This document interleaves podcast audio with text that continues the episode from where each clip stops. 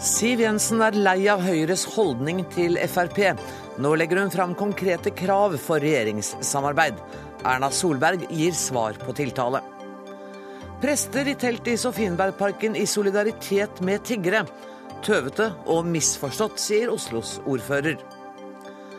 Avlys pinsen og gi oss flere feriedager. Det vil unge, unge Venstre, som ikke uventet møter kraftig motstand fra kristenfolket.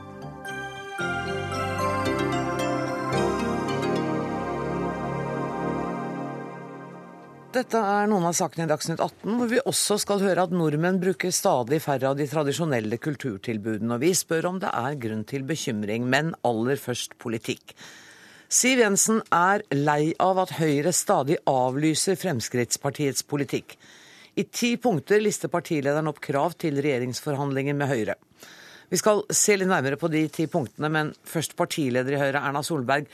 Hva syns du om at du får den listen presentert nå? Nei, altså, Jeg syns det er helt greit at Fremskrittspartiet har synspunkter på eh, hvilke saker de kommer til å prioritere i regjeringsforhandlinger. Og så regner jeg med at vi tar regjeringsforhandlingene når vi kommer dit. Eh, jeg oppfatter at eh, dette er gjenkjennelige saker fra Fremskrittspartiet. Noen av de er vi enig i. Noen av de er vi enige i retningen på, men ikke like enige i. Og noen områder er vi ikke enige i det hele tatt. Sånn kommer det til å være. Men er det greit at, det, at du blir presentert for en sånn liste nå? Ja. Nå ble jeg presentert fra Kristelig Folkeparti på en liste ja. for uh, en stund siden, og de viktigste sakene de prioriterte. Mm. Uh, er... Jeg har et helt program jeg, som jeg kan si er vår liste, da. Men du, uh, altså, Vi kan jo gjøre regjeringsforhandlingene utrolig korte og effektive. Vi må gå gjennom lista nå. Mm. Og så kan jeg høre med deg Det er sånn ja- og nei-spørsmål. Glem det. Jeg forhandler ikke i media. Men Kan jeg få en reaksjon på de ti punktene, da? Lovfestet rett til sykehjemsplass med statlig finansiering. Eh, ja, er, Dette er en kjent sak at vi mener at fortsatt kommunene skal ha ansvar for det. Men jeg er okay. helt sikker på at vi kan lage god politikk om hvordan vi skal få flere sykehjems, sykehjemsplasser i Norge. Det er viktig. Så her for er det åpent for forhandlinger i hvert fall? For kommunene bygger for få i dag. Og vi har nok noen tanker om hvordan vi i fellesskap kan lage en bedre satsing på sykehjem enn det regjeringen har klart å gjøre. Etablere lukkede asylmottak? Altså Vår Høyres politikk har vært at eh, vi ikke skal ha lukket asylmottak for alle, men vi skal for de som bryter med meldeplikten. Og da må vi begynne et eller annet sted med først må vi få for en regjering som har tenkt å gjennomføre den meldeplikten som faktisk Stortinget har vedtatt. Mm. Det har vi jo spurt om, og der er det bare et fåtall som er brukt. Altså har du gjort en kriminell aktivitet, har du brutt meldeplikten din, ja, så har vi ment at vi også skal ha mer lukkede anstalter. Men det er også spørsmål som vi må diskutere i regjering. Sånn at alle disse punktene For jeg sa i redaksjonen i dag at jeg har lyst til å gå gjennom de punktene med Erna Solberg og høre om jeg får ja eller nei, og så sa alle at det får du ikke. Eh, og så sa jeg det tror jeg òg. Men f.eks. bompengefrie veier og jernbane utenfor handlingsregelen. Klar for det? Dette er en av de områdene hvor vi har en annen politikk. Og så må vi forhandle om, om, disse spørsmålene. Men jeg tror vi har mye felles politikk på noen av områdene. Vi er f.eks. opptatt av andre organisatoriske løsninger for å sørge for at vi kan bygge raskere. Men vi har jo gjort det valget at når du, når du står overfor en begrenset økonomi, og det har vi i forhold til resten av, av på en måte, ja, koronakursen og alt det andre, så har vi sagt at OK, vi ønsker flere, flere veier. Da må vi faktisk se at på noen av disse veiene vil det være bompenger i fremtiden. Det er Høyres valg, og det har vi gjort. Og det har brakt med seg betydelig mer veibygging enn vi ellers ville hatt. Siv Jensen, er du overrasket over eh, reaksjonen fra Solberg? Nei. Eh, la meg først si eh, tonen mellom oss er god, og samarbeidsviljen er definitivt til stede. Men så er det noen politiske forskjeller mellom Høyre og Fremskrittspartiet som jeg mener vi må være ærlig nok til å snakke om og diskutere. Og det har vi gjort eh, mange ganger. Men du har sagt til avisen at du er lei av at hun avlyser en del av Fremskrittspartiets politikk? Det jeg først og fremst er opptatt av i VG i dag, var å få frem eh, ti politiske saker som er viktige for Fremskrittspartiet, både i valgkampen og når vi setter oss til forhandlingsbordet. Så jeg er helt enig med Erna i at vi skal ikke ta de forhandlingene her. Men det som er viktig for meg, er jo å få frem at det er forskjeller. Høyre og Fremskrittspartiet er grunnleggende uenige om disse ti punktene. Vi er uenige om hvordan vi skal finansiere veiene i fremtiden. Og jeg mener jo at hvis vi har den debatten, er helt på hodet. Eh, det er altså sånn at det å investere i veibygging er noe av det mest lønnsomme vi kan gjøre med sparepengene våre. Vi får igjen tre til fire ganger eh, for hver krone vi putter inn. Da er det ikke sånn at vi har begrensninger. Det er snarere tvert imot sånn at det begrenser oss å ikke bygge veiene. Og så er det f.eks. sånn at eh, nå hører jeg så mange mennesker fortvile over tilstanden, situasjonen i norsk eldreomsorg. Altfor mange pleier sine egne hjemme. Sliter med å få den, eh, den verdigheten i omsorgen som de burde få. Mm. Eh, da må vi faktisk gjøre noe med systemet, for nå står systemet i veien for den enkeltes rett til å få verdig omsorg. Nå har vi fulgt det samme systemet i mange tiår. Det virker ikke. Da er det på tide med en ny kurs. Men, men, det er jo ikke noen tvil om at dere begge vil at eldre skal ha, behandles med verdighet og få den hjelpen de trenger. Det som er noe av diskusjonstemaet her, er vel f.eks. handlingsregelen? Jo, men jeg tror både Høyre og Fremskrittspartiet er enige om at vi skal føre en ansvarlig økonomisk politikk. Eh, ingen ønsker å sette norsk økonomi over styr. Ingen ønsker at renten skal bli høyere enn den må være. Ingen ønsker at det skal skje uansvarlige ting. Men det handler jo om å skille mellom hva vi bruker penger på.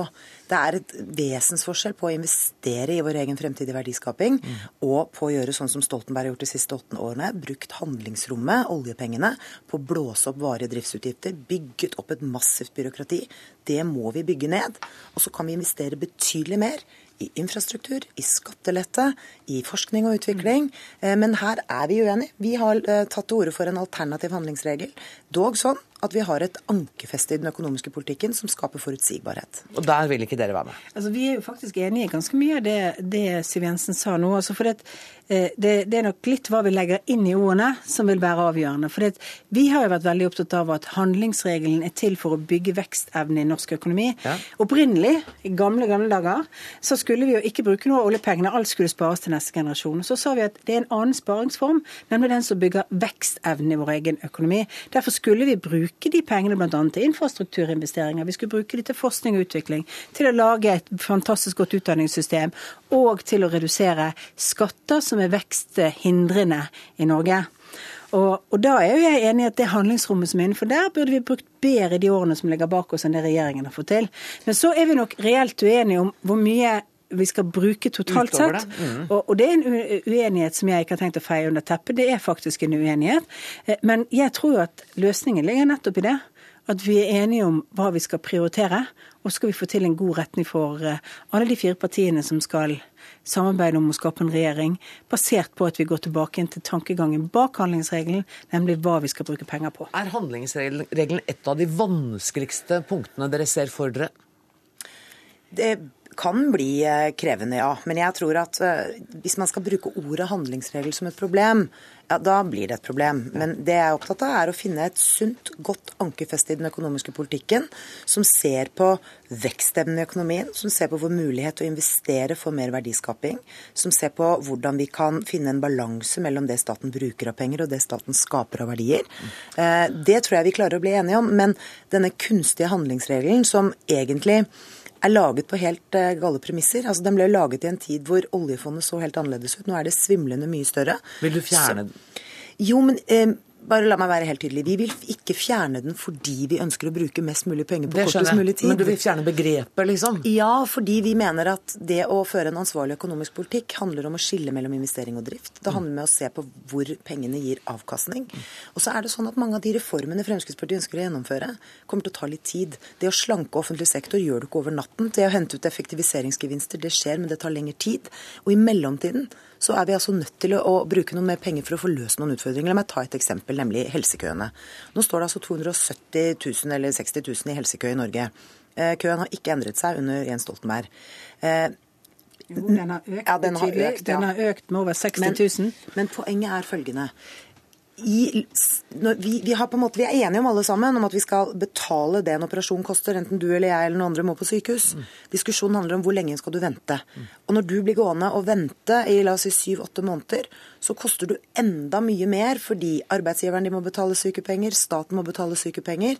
Og det betyr jo bare at regningen som staten betaler på dine vegne, blir høyere og høyere og høyere jo lenger ventetiden er. Mm. Får vi den ventetiden ned, så bruker vi pengene effektivt på pasientbehandling, og det er altså smart eh, sykehuspolitikk. Og dette er du enig i, Erna Solberg? Jeg, jeg, er jo enig i at vi skal få ned helsekøene. Eh, så, og det er en av de tingene som gjør at vi på en måte tror at vi skal få ned helsekøene med vår politikk, altså Høyres politikk. Det er jo bl.a. at vi kutter i byråkratiet innenfor helsevesenet og bruker de pengene over på behandling og kjøper behandlingsplasser andre steder. Derfor klarer vi å få flere pasienter behandlet for de pengene vi har. I tillegg øker vi litt. Men det byråkratiet som du vil kutte, det er vi enig i. Men det tar lang tid å hente ut de midlene. Og i påvente av det så må vi altså fylle på med friske penger. fordi hvis vi ikke gjør det, så flytter vi bare helsekøen fra det offentlige sykehuset til de private. Da betyr det ikke færre eller flere behandlede pasienter, det betyr bare at du flytter køen. Og, og her er vi også vi, vi, har jo sittet i regjering og, og kuttet køene i Norge på det. Dette kan vi bevisføre med den politikken som vi førte når vi satt i regjering sist gang. Vi kuttet køene betydelig i den perioden. Uten bruke, friske penger? Nei, ja, vi brukte jo... både friske penger og vi, det... og vi, og det kommer vi til å gjøre i alle årene fremover. fordi det kommer til å bli brukt mer penger på helse. Men vi brukte også den kapasiteten som var hos private for å få ned helsekøene. Men Erna, vær, vær ærlig nå. Grunnen til at helsekøene gikk ned da eh, Høyre satt i regjering med KrF og Venstre, var fordi Fremskrittspartiet forhandlet frem med dere en vekst i den såkalte innsatsstyrte finansieringen, nemlig at man premierte sykehusene mer for hver pasient de behandlet. Det var et av kravene vi hadde da vi forhandlet med dere, og det ga umiddelbar effekt. Mm. Ja, og at vi kjøpte mer fra private. Og vi er faktisk for innsatsstyrt finansiering, vi som en, som en del av, av, helsesektoren. Men jeg har lyst til å si at det er veldig mange av disse tingene vi er enige om. Så har vi valgt å fokusere på de tingene vi faktisk er enige om, først og fremst i politikken. Og så blir vi innimellom utfordret på uenighetene våre. Og det vil dere stort sett ikke snakke om, for dere sier at dere skal ha regjeringsforhandlinger. Men det jeg syns til å ikke ville snakke om det, så gjør dere det. Hver gang vi da sier f.eks. at vi er uenige om noe, så er det alltid noen som skal lage den overskriften om at noen har avlyst det eller annet. Nei, vi har bare vist at vi faktisk ikke er enige på alle punktene. Det betyr ingen avlysning. Det betyr faktisk at når fire forskjellige partier ønsker en regjering, men eh, ikke er enig med alle punktene, ja, så er det faktisk en helt naturlig del av den demokratiske debatten. Men eh, når vi snakker om penger, la oss gå til et bitte Vi skal bruke litt tid på et annet uh, punkt, nemlig fjerne avkorting for, i pensjoner for gifte og samboende pensjonister. Det krever jo litt friske penger, Jensen? Jo, men her må man jo se på hva som er årsaken til det. Her har hver enkelt pensjonist i Norge opparbeidet seg rettigheter i pensjonssystemet. Og så fant man ut på et eller annet tidspunkt at fordi man er gift eller samboende, så skal liksom staten ha rett til å rappe eh, en betydelig del av pensjonen til begge ektefellene eller begge samboerne. Vi mener at det ikke er noe annet enn et statlig ran. Under igjen den forrige eh, Høyre-sentrumsregjeringen så var det en av de tingene vi forhandlet frem. Da klarte vi å få redusert avkortingen fra 25% til dagens 15% men vi kom ikke helt ned i null. Det er en av de tingene vi skal eh, prøve å få til nå. Fordi vi mener det er en urimelighet i det. Har du opparbeidet deg en rettighet, så skal jo ikke andre sitte og vurdere hva slags personlig husholdning og økonomi du har, om du er gift eller samboende eller enslig, eller det spiller jo ikke noen rolle. Det er en opparbeidet rett som ingen skal rappe. Det har jo ikke vært en del av vår politikk. for I 1967, når vi innførte folketrygden, så var dette en del av systemet. Da var det egentlig ikke tenkt sånn som Siv Jensen tenker nå, det var tenkt at de som var enslige pensjonister, trenger litt mer å leve for enn de som er to stykker sammen. Og Derfor er dette et av de få elementene i vårt pensjons- og skattesystem som er faktisk politikk rettet mot enslige. Så har det skjedd veldig mye siden den gangen, f.eks. skilsmissestatistikken og annet. Mange flere kvinner i yrkesaktivt arbeid. Derfor er det sånn at med det nye pensjonssystemet så er denne ordningen vekke. Men når vi da skal prioritere å gjøre noe med det gamle pensjonssystemet, som har fått de rettighetene de har betalt for, for, men som altså da var under et gammelt pensjonssystem, ja, det blir et interessant Eh, forhandlingssystem som vi kommer til å, eh, til å måtte ta. Og så må, må, må jo eh, Frp prioritere sine krav. Og hvis dette er viktig for de, så vil jeg helt sikkert få gjennomslag for det. De vil helt sikkert få gjennomslag for det hvis i regjeringsforhandlinger? Hvis dette er det som prioriteres. Men vi er jo ikke enig i dette. Nei, nei. Vi har ikke avlyst at vi kan nei, gjøre det på nettopp. samme måten som vi forhandlet om dette når vi satt i regjering. Så er det på en måte en del av diskusjonen som du må ha på et regjeringsbord. Vi har fått beskjed om at vi må slutte. Ja, ok da. Si her hører man jo hvorfor det er viktig å få frem disse forskjellene. fordi det blir jo ingen reduksjon i denne avkortingen hvis ikke vi står på de kravene i en forhandlingssituasjon. Så syns jo jeg at å reversere skatteskjerpelsene for deler av pensjonistgruppen som regjeringen har innført, burde vært en høyere prioritet. For det syns jeg har vært en urimelighet i den politikken som har vært ført de siste årene. Altså, fordi Du snakker nå om det gamle og det nye pensjonssystemet. og Det er helt riktig at i det nye systemet så er avkortingen borte. Mm. Men det er en eh, ikke-eksisterende trøst for de som er pensjonister i dag. De skal også leve, og de oppfatter dette som høyst urimelig, og vi mhm. kommer til å stå på for å få gjort noe med det. Enslige pensjonister oppfatter det som rimelig at de får litt mer hjelp gjennom pensjonen sin enn det gifte pensjonister får. Så dette har vært et gammel del av systemet. Vi er ferdig med det for fremtiden, men vi kan forhandle om det, det er jeg helt sikker på. Det var hyggelig å høre. Og her ute så sitter noen og kjefter meg og sier jeg må avrunde, men det, jeg, jeg har et spørsmål. For Dilemmaet for dere er jo liksom både å markere forskjellene i politikken, samtidig som dere skal gjøre meg trygg på at det kommer til å gå kjempefint når dere to skal forhandle. Noen, dere har noen utfordringer her. Nei, vet du hva, jeg syns ikke det. Jeg, jeg ser på de rød-grønne partiene, de later jo som at de er enige i ett og alt, og så ser alle at de krangler så busta fyker. Det mener jeg er ganske uærlig. Jeg tror det er mye mer redelig overfor velgerne at vi både uttrykker klart og tydelig at vi vil samarbeide, og at vi har vist evne mm. til å forhandle frem gode løsninger. Men så må vi så få frem forskjellene fordi Høyre kommer ikke til å føre Fremskrittspartiets politikk med mindre vi sørger for å få gjennomslag for det i forhandlinger. Eh, og Derfor betyr det noe. Derfor må vi få frem nyansene og forskjellene, men med et smil, fordi vi ønsker å samarbeide.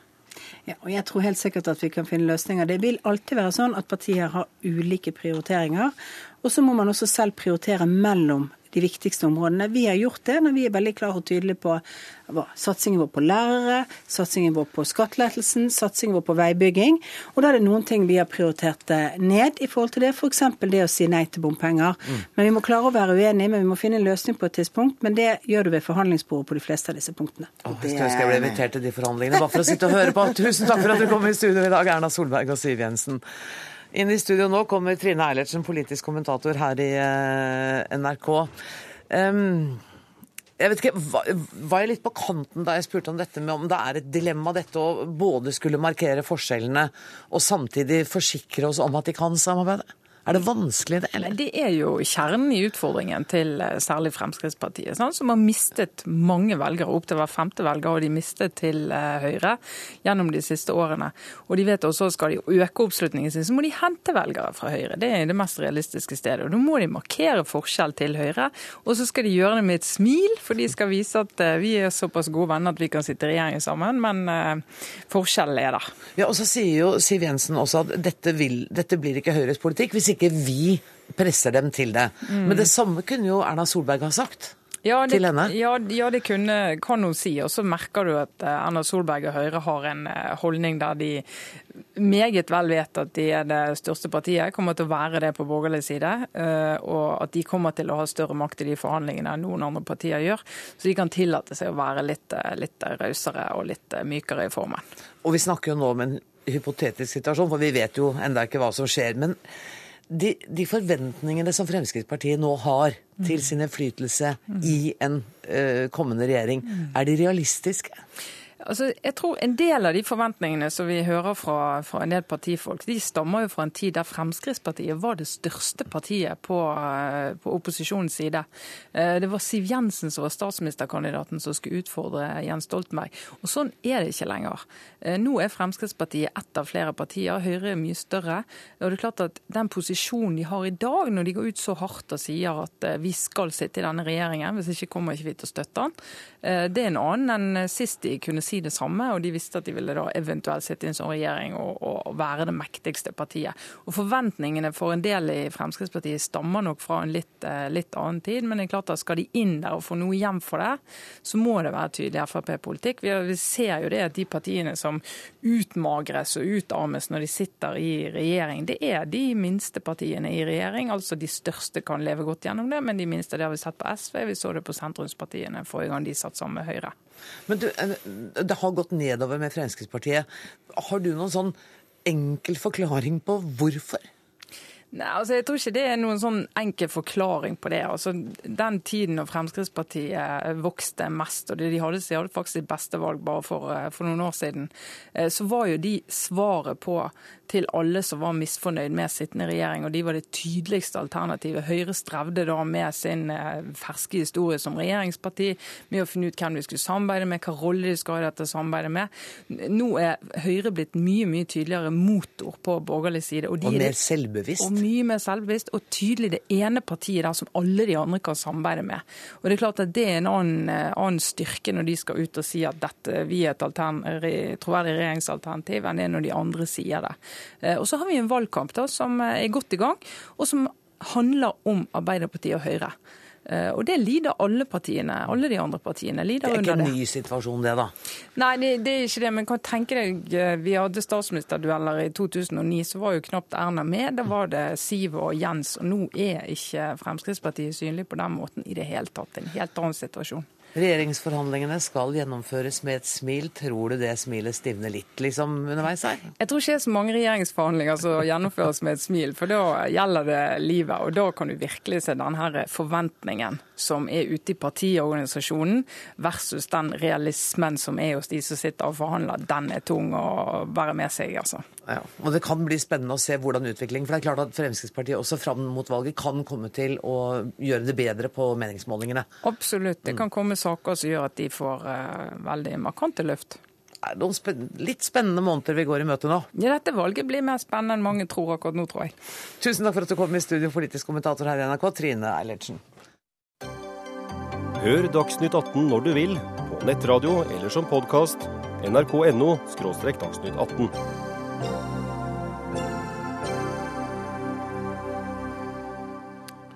Denne parkovernattingen er litt tøvete, sier eh, ordfører Fabian Stang om nattas presteprotest. Det er viktig å sette de bostedsløse på dagsorden, repliserer de geistlige. En av eh, dem som overnattet var, eh, av prestene, var deg, Trygve Wyller, dekan på Det teologiske fakultet ved Universitetet i Oslo. Hvorfor valgte du å tilbringe deler av natta i en park? Jeg må starte litt eh, puslete, for jeg overnattet ikke helt. Nei, det er det jeg sier. Hvorfor, hvorfor tilbrakte du deler ja. av natta i en park? Eh, jeg mener at det er veldig viktig at det nå etableres et etisk eh, korrektiv til den politikken som så langt har vært ført av bystyret. Og at dette etiske korrektivet kommer til altså Her etableres det et synspunkt om at det finnes et menneskeverd som må tas mer på alvor enn det vi syns eh, bystyret har så langt gjort. Og det mener jeg var en fin og symbolmarkering i går kveld og i går natt i Sofienbergparken. Men helt ærlig, det var vel den, mest, eh, den minste og den mest lettvinte symbolmarkeringen dere kunne ja, kommet nei, på? Det, det, er, det, er, veldig lett å latterliggjøre dette. Og det kunne sikkert vært tøffere opplevelser om man, som jeg har skjønt ordføreren har sagt, så kunne man overnattet i Sinsenkrysset steinørken. For eksempel? Mange sånne ting. På men, men det, Ja, da man kan sikkert eh, Hadde dere ikke skjønt at nei, det der med forbudet mot parker, det har vi hatt i mange år? Ja, for det første er det altså ikke jeg som arrangerer dette. Okay. Så jeg, det, men jeg syns, jeg syns egentlig det er en avsporing og litt sånn lage komikk om dette. Her, Det som skjedde, var at på to-tre dagers varsel så etablerte det seg et ønske om å lage denne overnattingssymbolhandlingen, som ganske mange prester og mange andre faktisk deltok i. Jeg så mener det... ikke å lage komikk av dette, nei, snarere tvert imot. Jeg syns dette er ja. veldig alvorlig. Ja, for det er det. Men jeg lurer på hvor har Kirken og prestene vært tidligere? Kunne dere ha Kunne Kirken ha sagt at vi gir kollekten vår ja, til tiggerne? Eh, vi åpner toalettene og hygienerommene for og... Ja, men la meg si det med en gang. At eh, det er klart at det er veldig enkelt nå å si ja, men politikerne må. Mm. Jeg mener jo at selvfølgelig Kirken må også. Nettopp. Og det er jo ingen tvil om at her er det mange som bærer ansvar. Og man kunne kanskje ha gjort noe for ett år siden og fire år siden og lenge siden, men nå gjorde man dette i går. Er dette det, det, eneste man gjør da, eller er dette nei, begynnelsen jeg, Jeg, vil, jeg håper da at dette er begynnelsen på en ganske bred allianse som ønsker å markere dette etiske korrektivet til å holde menneskeverdet og alle menneskers rett til et anstendig liv oppe og minne politikerne om at dette faktisk handler om Europas skam, som Amnesty sier i sine, sine uttalelser. Så det er en, jeg syns saken det kunne vært større demonstrasjon, kunne vært flere mennesker, kunne vært vondere å sove, alt det. Men det har faktisk satt denne saken på dagsordenen, og sånn sett syns jeg dette har vært en vellykket og viktig aksjon. Ordfører Fabian Stang, velkommen hit. Dette har satt uh, saken på dagsorden, sier Ville. Ja, jeg tror det er eh, veldig viktig at vi markerer eh, i situasjoner hvor vi ønsker å stå opp for svake grupper. Så Sånn sett så var reaksjonen veldig bra. Vi skal bry oss, og vi skal vise det. Men det jeg syns var litt tøvete, det var jo at når vi, eh, som, som, du sa, så har jo dette vært forbudt å bo i parker i mange, mange, mange år. Mm. Eh, og så sa vi det at fordi situasjonen har utviklet seg, at for ordens skyld så presiserer vi at det forbudet også gjelder på asfalt. Eh, og så protesterer man mot den presiseringen, og da burde man lagt seg på asfalt hvis man mente alvor. Derfor så mente jeg det å legge seg i telt i parken var litt tøvete, men det at man står opp for svake grupper, det er jeg veldig med på. Men dette med det etiske korrektiv, opplever, oppfatter du denne aksjonen som et etisk korrektiv? Jeg, må, jeg må si at når du, nå, når du nå sier et etisk korrektiv, så kjenner jeg at jeg blir ganske sint.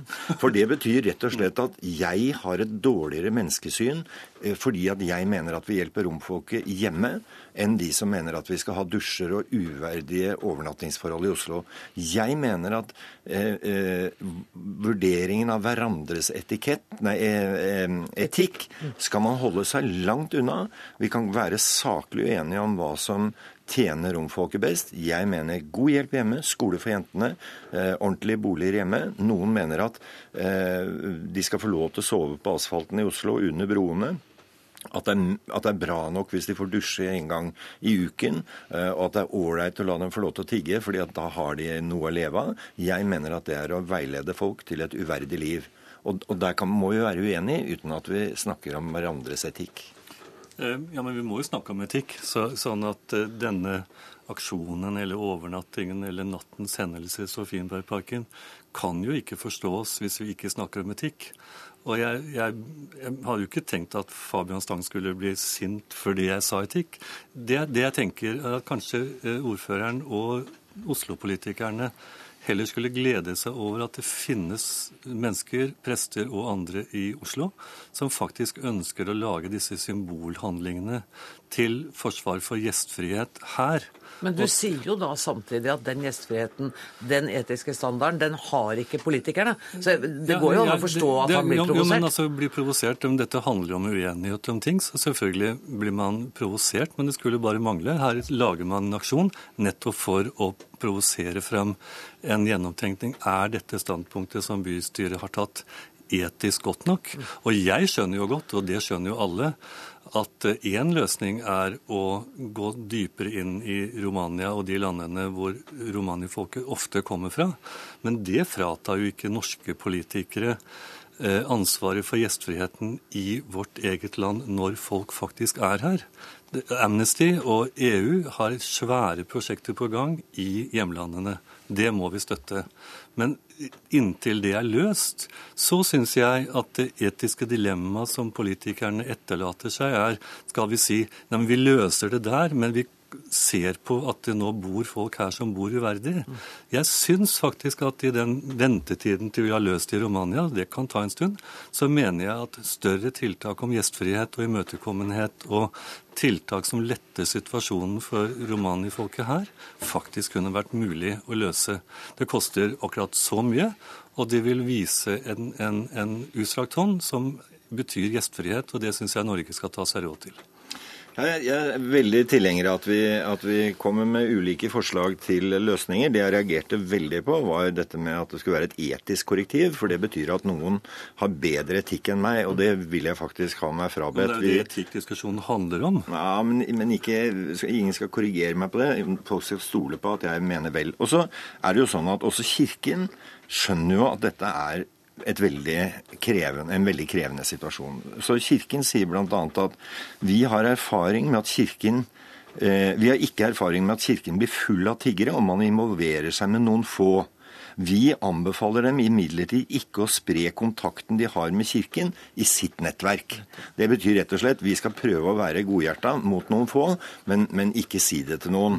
Og, og, det skjønner jeg veldig godt, men for meg som kommune så kan ikke jeg si det at jeg skal hjelpe noen, sånn at alle skjønner at jeg er et ven, vennlig menneske, men ikke si det til noen. Jeg må i så fall hjelpe alle. Og jeg er av den bestemte oppfatning at hvis vi åpner et tilbud, riktignok et uverdighet, med, eh, med så simple horrible vilkår at verken innsatte i norske fengsel eller narkomane Altså, jeg hadde kommet i fengsel hvis jeg hadde tilbudt dem det, mm. men det ønsker man at man skal gjøre. Da mener jeg at da kommer det flere som vi veileder til å være med på en fortsatt fornedrelse. Så må vi bare understreke at dette vedtaket er jo enda ikke iverksatt, for det skal også utredes av Politidirektoratet, og skal man finne ut hvordan man skal takle dette. Men Willer, helt kort til slutt. Er dette en engangsforeteelse, eller kan vi vente oss flere typer aksjoner fra norske prester? Altså, denne aksjonen kom i stand via Facebook, en sånn helt spontan handling. Ja. Og jeg, Det ligner på i bitte liten målestokk tilsvarende aksjoner som vi har sett i mange andre land de siste par årene, hvor Facebook utløser. Så jeg kan ikke si ja eller nei til det, men jeg tror at det viste et potensial i ganske bred eh, eh, samling folk og grupper, som det skulle ikke bli, jeg skulle ikke bli forbauset om dette faktisk følges opp eh, med nye måter å vise eh, etisk korrektiv på i fremtiden. Og det tror jeg politikerne faktisk trenger. Der er dere uenige. Tusen takk for at dere kom, ordfører Fabian Stang og Trygve Wyller.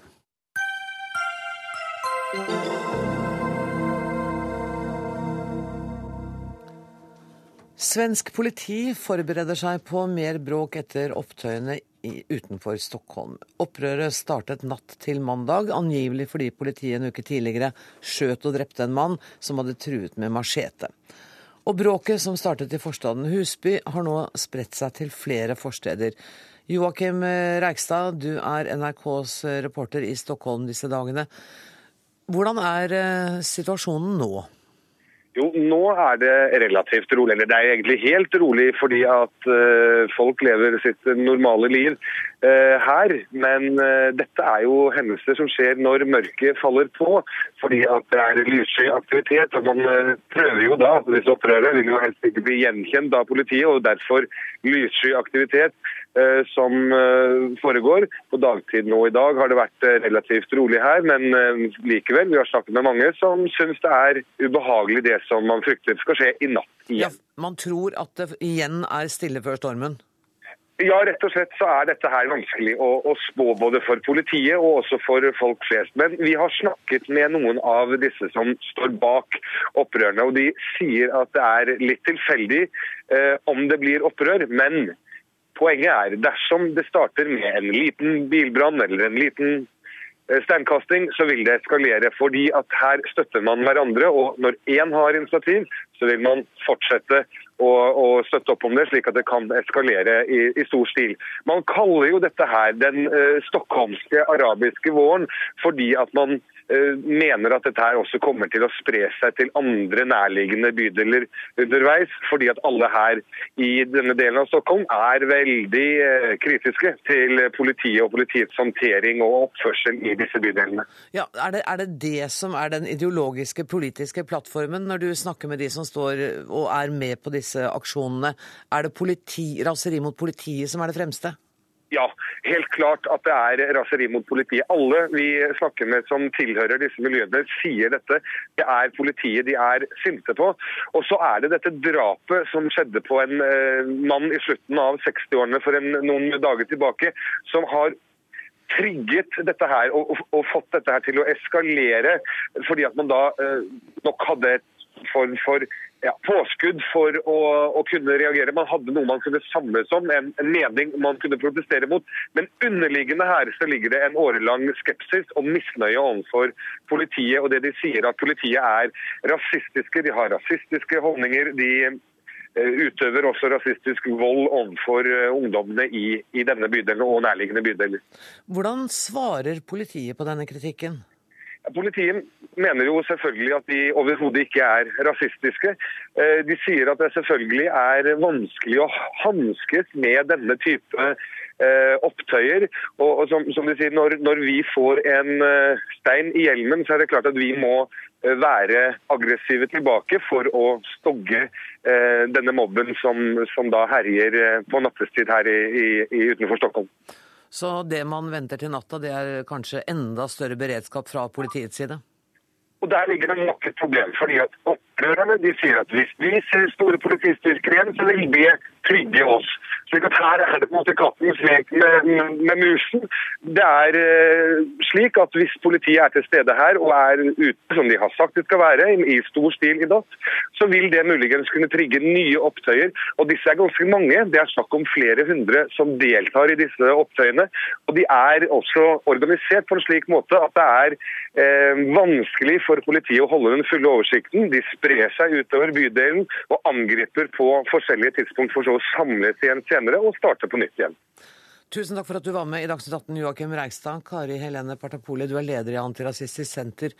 Eh, hvorfor tennes lunta så utrolig raskt i disse områdene utenfor Stockholm? Det er mange grunner til det. Det er selvfølgelig den skepsisen til politiet som blir nevnt her, som jeg tror er mer utbredt enn den er f.eks.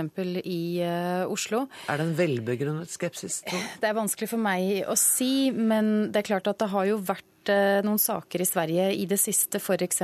når Justisdepartementet kom med dette initiativet hvor man kan sjekke folk på tunnelbanene, som det heter, eh, basert bare på, på hudfarge og, eh, og, etniske kjennetegn. Og det er klart det, det var, jo, var, noe av den siste Det utløste jo en kjempedebatt i, i Sverige om, om det, det, som kalles racial profiling. Men, men det svenske politiet har jo også gjort veldig mye i forhold til å ha en, en sterk bevissthet omkring eh, det flerkulturelle samfunnet. Og jeg tror at det lokale politiet eh, kjenner områdene godt og har kanskje bedre dialog. Eh, snakket med en tidligere som, som kjenner svenske forhold godt, som sa at også, noe av problemet her nå er at det kommer politi utenifra som ikke som faktisk eh, Som han da påpekte, hvor det faktisk også blir overfalt eh, en del folk som jobber med dette dialogarbeidet, som har blitt tatt av politiet også. Så, så her er det også snakk om at det kommer politi utenfra lokalområdet som ikke har vært med på det dialogarbeidet, og som ikke har de relasjonene. Og der ser man jo i Oslo at vi, vår erfaring er at politiet her i Oslo har vært gode i mange år til å legge et godt dialogfundament. og vi har jo ikke sett den type opptøyer eh, i det hele tatt. Ja, Vi så et eh, snev av det i forbindelse med Gaza-demonstrasjonen i 2009. Det var det vi gjorde.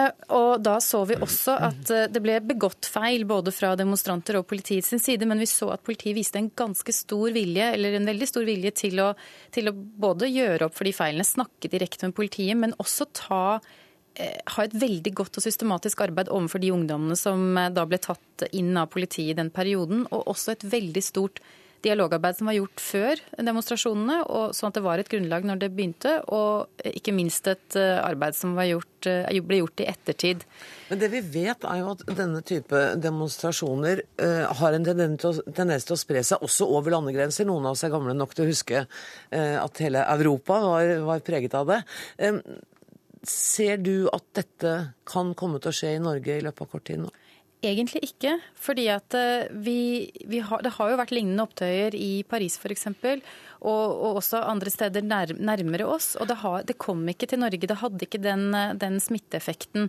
Bitte, bitte lite grann, men, men, men, men det, kom ikke, det, kom ikke, hit. Og det er eh, forskjeller også når det gjelder eh, demografien vår. Altså det er, vi har ikke den samme tettheten av folk som lever under samme sosiale vilkår.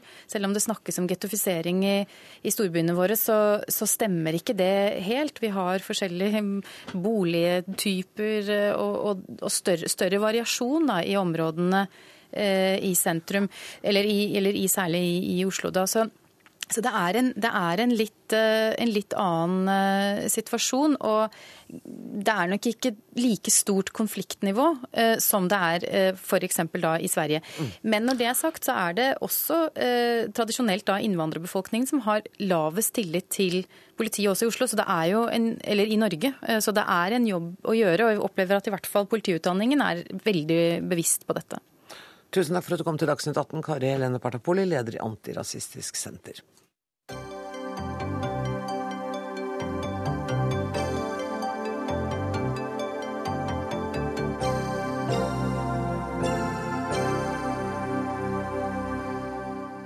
Han var 21 år gammel da han ble drept på Utøya. Håvard Vederhus var en fremadstormende ung mann med store ambisjoner og drømmer om et liv i rikspolitikken. I dag kommer boka om ham, 'Et kvart liv' er tittelen, Og forfatter Hans Olav Lahlum, hvorfor ble det bok om nettopp Håvard Vederhus? Det var eh, litt tilfeldig, men jeg ble jo som mange andre veldig sterkt grepet av disse triste begivenhetene og den nasjonale tragedien 22.07. Så står du igjen etterpå med en liste med 77 navn, som veldig fort bare blir navn på en liste. Og jeg hadde lyst til å sette et forstørrelsesglass på ett av de, og et av disse unge menneskene som falt på Utøya. Eh, og liksom få frem hva slags menneske det var, hva vedkommende hadde oppnådd i løpet av livet. Så var det litt tilfeldig både at det ble realisert, og at det ble med Håvard. Men det var jo slik at jeg kjente familien hans, ikke han i noe særlig grad, men familien en del fra tidligere. Så det var den begravelsen det var naturlig at jeg gikk i, og det var der det var naturlig at jeg sendte en kondoranse til familien. Og da hektet jeg noe samtidig på en setning om at hvis de en gang i fremtiden skulle ønske i en eller annen sammenheng å få skrevet noe litt lenger om Håvard, så gikk det noe an å ta kontakt, og det gjorde, gjorde familien da et år senere, og her er boken. Mm. Um, du sier at han var en spesiell gutt på mange måter, og boka gir jo også det inntrykket. Uh, en begavet uh, guttunge, men med noen krevende sider. Såpass krevende at foreldrene var vel bekymra på et tidspunkt? Han ble utreda for ADHD på et tidspunkt. Ehm, og det er en litt sånn hyggelig del av den historien, at han var et barn som hadde noen faretegn i forhold til oppførsel og manglende forståelse for andre osv. Og, så og omgivelsene bekymret seg nok både litt blant lærere og barnehageansatte og, og foreldre ø, over dette. Men så viste det seg jo da at det var ikke noe galt. Han hadde ikke noen form for sykdom. Han var bare et veldig kreativt, litt annerledes tenkende, veldig energisk barn. Og så knekte han de sosiale kodene etter hvert som han ble større, og klarte å utnytte denne energien sin til eh, positive formål. Og da kommer jo også resultatene både sosialt og i forhold til skole. Så den delen av historien er liksom en hyggelig historie som jeg håper at flere både foreldre og unge vil ha glede og inspirasjon av. Ja, for det han, det han klarer er jo også å uh, utvikle denne empatien. Han, han, blir en utrolig lojal og nær venn. Uh, og han går i kamp for sine venner. Ja. Eh, han, han, gjør helt klart han blir en veldig sosial eh, person. Man skiller jo av og til mellom noen mennesker som liksom er sånne markerte familiemennesker, og noen som er markerte vennemennesker. Han var en av de som veldig sterkt klarte å være begge deler. Mm. Altså Han levde veldig sterkt i familiefellesskapet sitt, var veldig glad i familien, men samtidig så hadde han et veldig levende Eh, sosialt liv utenfor familien. Kjente utrolig mange mennesker, noe også reaksjoner. Vi var jo 1000 mennesker var det vel omtrent som møtte fram i begravelsen hans. Mm. Eh, selv om han da bare var 21 år, så hadde han rukket å, å knytte kontakter med utrolig mange mennesker. Og, og forholdet til bestemødrene er utrolig rørende? Ja, det er jo flere, også det forholdet han har til, eh, til bestefaren, mm. som jo spiller en veldig ja. stor rolle for ham. Eh, er jo det, og Han driver jo med veldig mye rart. Han er jo ikke bare aktiv eh, som politiker og ungdomspolitiker. da, Han er jo også har et aktivt kristent engasjement. Han spiller sjakk en periode og vinner mot Magnus Carlsen i eh, NM. Han er aktiv i Elevorganisasjonen osv., så, videre, så han er aktiv på veldig mange arenaer. Og gjør jo også oppsiktsvekkende sterke skoleresultater eh, mellom alt det andre han liksom rekker. Da. Og så har han ambisjoner på egne vegne? Ja da, og han balanserer nok hele tida litt på kanten eh, mellom det. Det vil kanskje være kjent for en del som har ungdomspolitikere i familien, at han er på den ene sida en stor idealist for saker og verdier han tror på. På den andre sida så er det vel aldri noen som er noe særlig i tvil om de personlige ambisjonene heller. Du sier at du har skrevet denne boka fordi du ville sette eh, et søkelys på den ene, eller et forstørrelsesglass, hva du sa. Eh, men hva tenker du at denne skal kunne bety for andre ungdommer? Jeg håper jo at den skal kunne bety uh, noe ikke bare for de mange menneskene som da kjente ham, men også for de som kjente andre fra Utøya, eller som har vært i lignende situasjoner til. Jeg tror nok jeg kan si at den, den tredje delen her, om hendelsene på Utøya den 22. juli, og hva han og menneskene rundt han opplevde da, vil nok kanskje for mange lesere fortone seg som på sett og vis ganske dramatisk og krevende, da. Jeg for min del må nok si at den mest krevende delen av denne biografien var den siste delen, den som skulle handle om veien videre etter tragedien. For familien, for vennene, for AUF, for Norge som land, for den saks skyld, som jeg da skriver litt om i avslutningsdelen. Det var noen av de mest krevende sidene jeg har opplevd å skrive i mitt eh, forfatterskap så langt. Mm. Ble, du, du, skriver i forord at uh, dine politiske biografier ofte er ganske tykke og blitt beskyldt for at de er for tykke. Det, det kan ingen beskylde deg for med denne, Hans Olav Lahlum. Eh, takk for at du kom og snakket om et eh, kvart liv.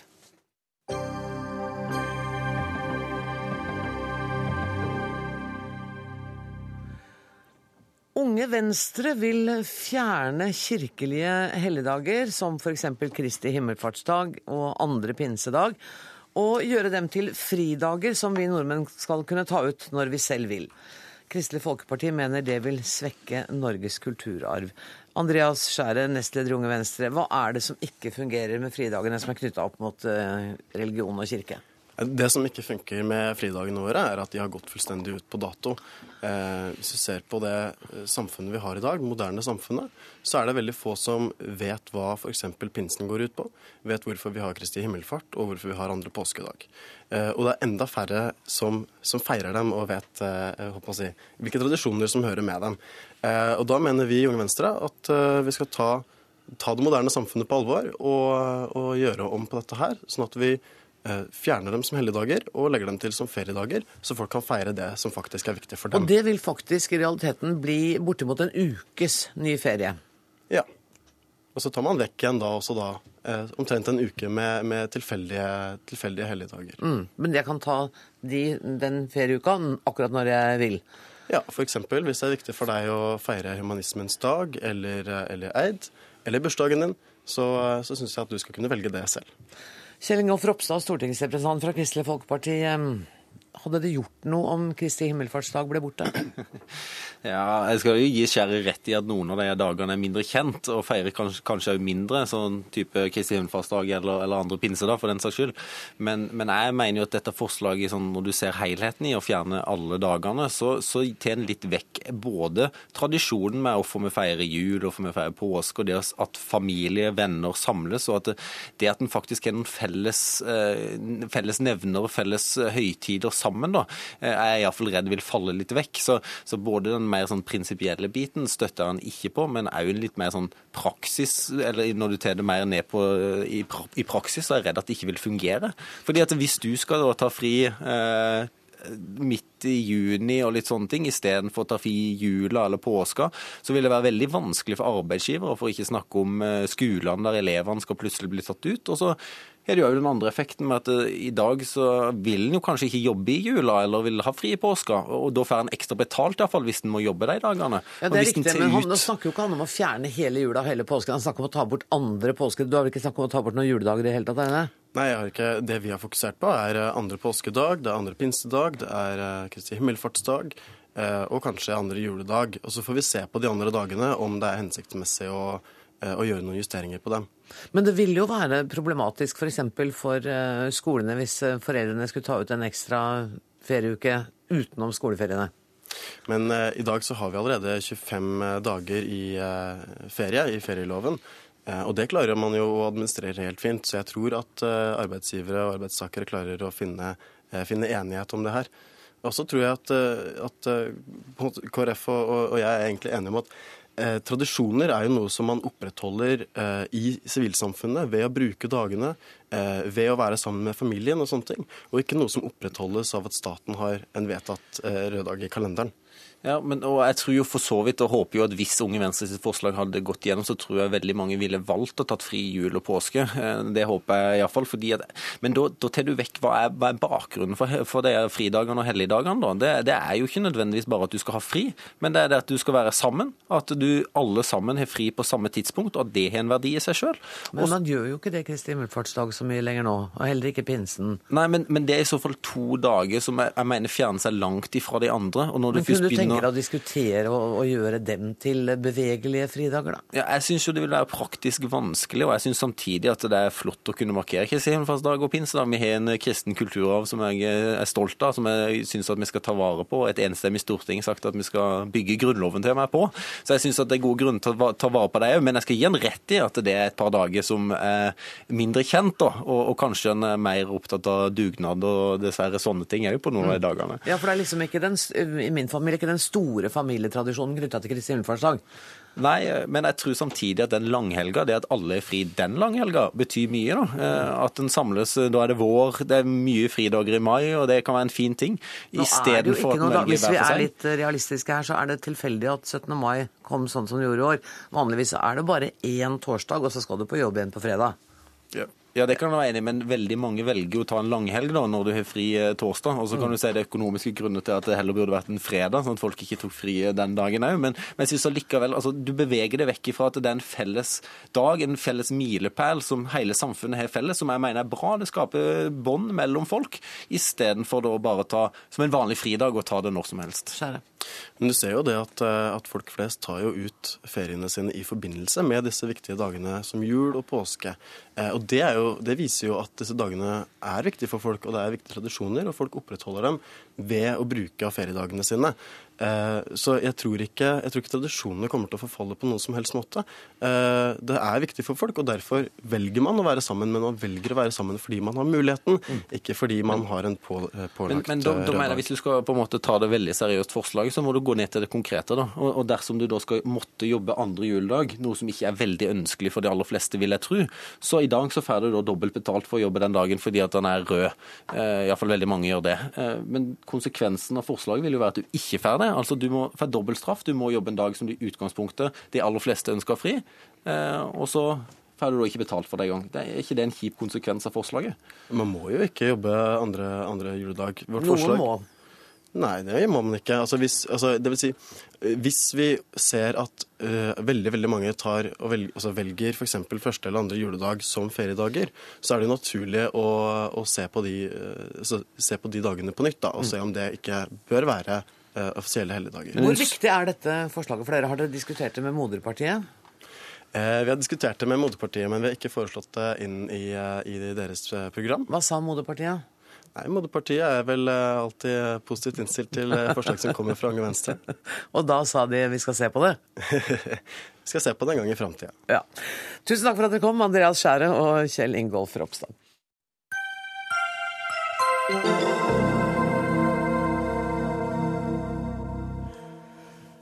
Interessen for tradisjonelle kulturtilbud går tydeligvis ned her til lands, for det viser en oversikt fra Statistisk sentralbyrå som ble lagt fram i dag.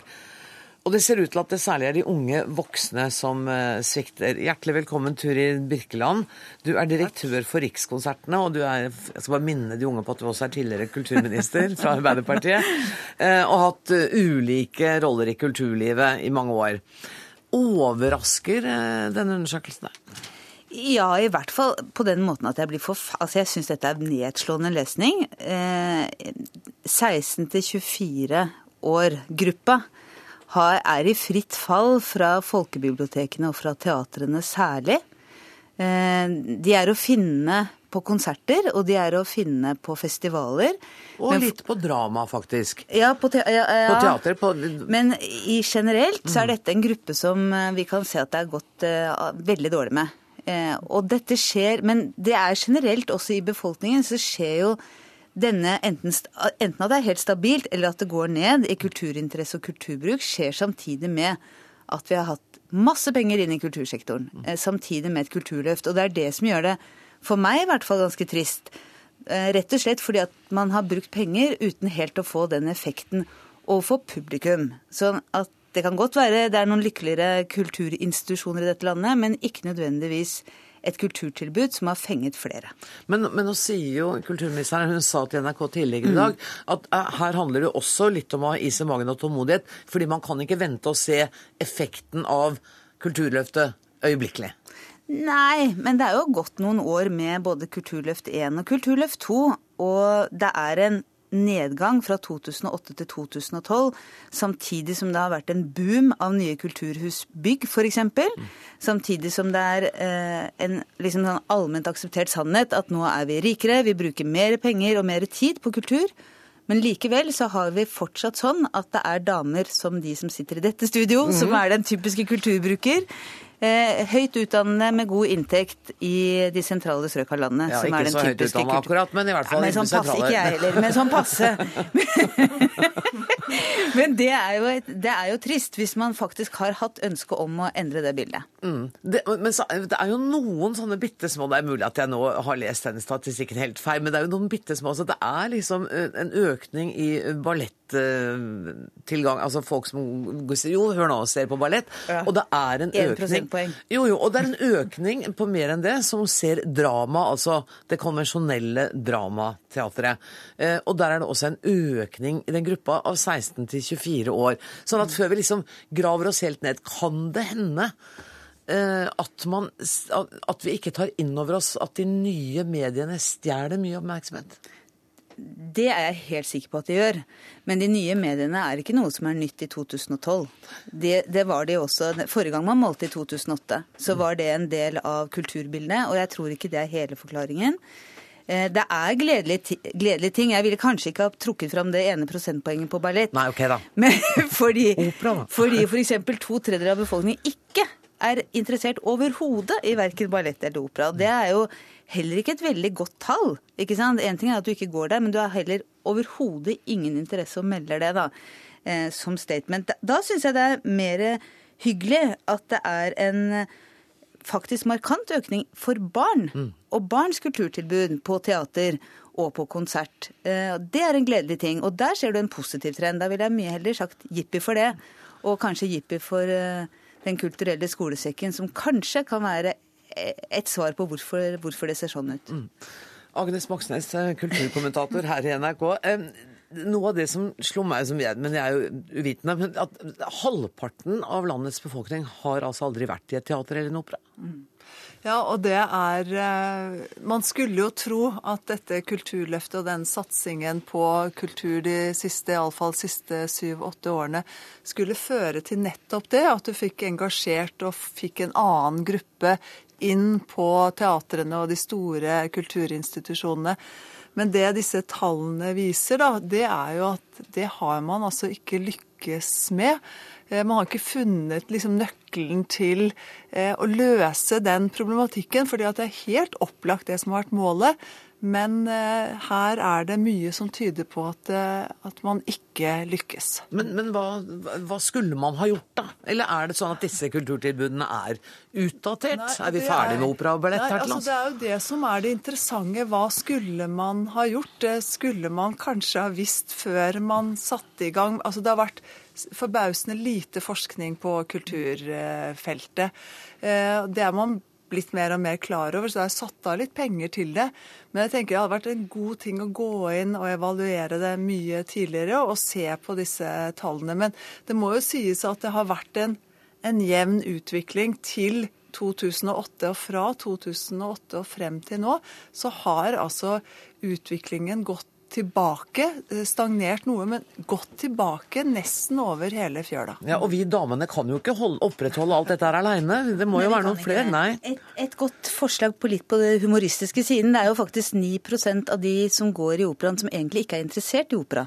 Og, et, og da er det antageligvis tegn på at disse damene tar med seg mennene sine litt under tvang på disse forestillingene. Så et tiltak kan jo da være at disse damene tar med seg noen andre som faktisk har lyst til å gå, gå på forestilling. Men jeg tror Agnes er inne på Moxnes er inne på noe vesentlig. Det at vi på kulturfeltet har liten, liten forskning, liten kunnskap om hva som faktisk virker. Og da er det noe med å spørre om effekt, og ikke bare om hvor mange penger mer bevilger vi, men faktisk hvilken effekt får det når vi putter pengene inn på de ulike områdene. Og så er det et punkt til, og det er, tror jeg, at når man har som utgangspunkt for kulturpolitikken å si at det må mer midler til kultur, så har vi hatt institusjoner og systemene i bakhodet når, når de bevilgningene har vært gjort. Jeg tror man hadde tjent mye på å sette fokuset på publikum som sådan i stedet. Og med det mener jeg f.eks. at en diskusjon om billettpriser er vesentlig. Jeg kommer selv, før jeg var i Rikskonsertene, fra en festival på Sørlandet, Risør Kammermusikkfestival, som i mange år sleit med å, eh, med å få ordentlig fotfeste i det lokale publikum i Risør, og, og de- hvor det var en veldig bevisst holdning på at billettprisene skulle i hvert fall ikke være hindre for at folk kom på de konsertene. Og så tilgjengelighet, at du flytter ut av de klassiske konsertlokalene og ut på en øde øy, på en måte. Ikke sant? I friluft. ja. Mm. Men, og sånn er det ikke bare Risør som gjør, men mange som gjør. Og det er noe med å se på Det er 20% i denne undersøkelsen som sier at billettpris har en betydning. Og jo mindre du tjener, jo større betydning har billettprisen. Det er en av de diskusjonene jeg tror man eh, bør ta tak i. Men enda så ligger vi jo ikke superhøyt på den sida der heller i Norge. Men det er ikke lenge siden jeg var i London. Det kosta 1000 kroner å gå og se en teaterforestilling. Nei, men hvis du skal ha med deg eh, denne mannen som helst ikke vil, og tre barn i tillegg, eh, på konsert og teater, så koster det ganske mye. Og det er noe vi bør det er også, Jeg sier ikke at det er svaret på alt, men det er en av de diskusjonene vi bør ta når vi skal sette publikum i fokus, og ikke bare institusjonen i fokus. Er du enig i den vurderingen, helt kort, eh, Moxnes? Ja, men eh, det er eh, jeg kanskje. Men man ser jo at eh, kulturfestivalene som får det til, eh, så koster det penger å komme inn der også. Men der har du en helt annen måte å jobbe frem eh, et kulturtilbud på som virker appellerende. Og det er ikke en del av Kulturløftets eh, punkter. Vi fant kanskje ikke den endelige, fantastiske løsningen på dette problemet, men eh, vi har i hvert fall pekt på det. Tusen takk for at dere kom, Turi Birkeland og Agnes Moxnes. Dagsnytt 18 er slutt. Ansvarlig for sendinga i dag har vært Siri Storstein Hytten. Det tekniske ansvaret har Lisbeth Sellreite. Jeg heter Anne Grosvold. Takk for nå.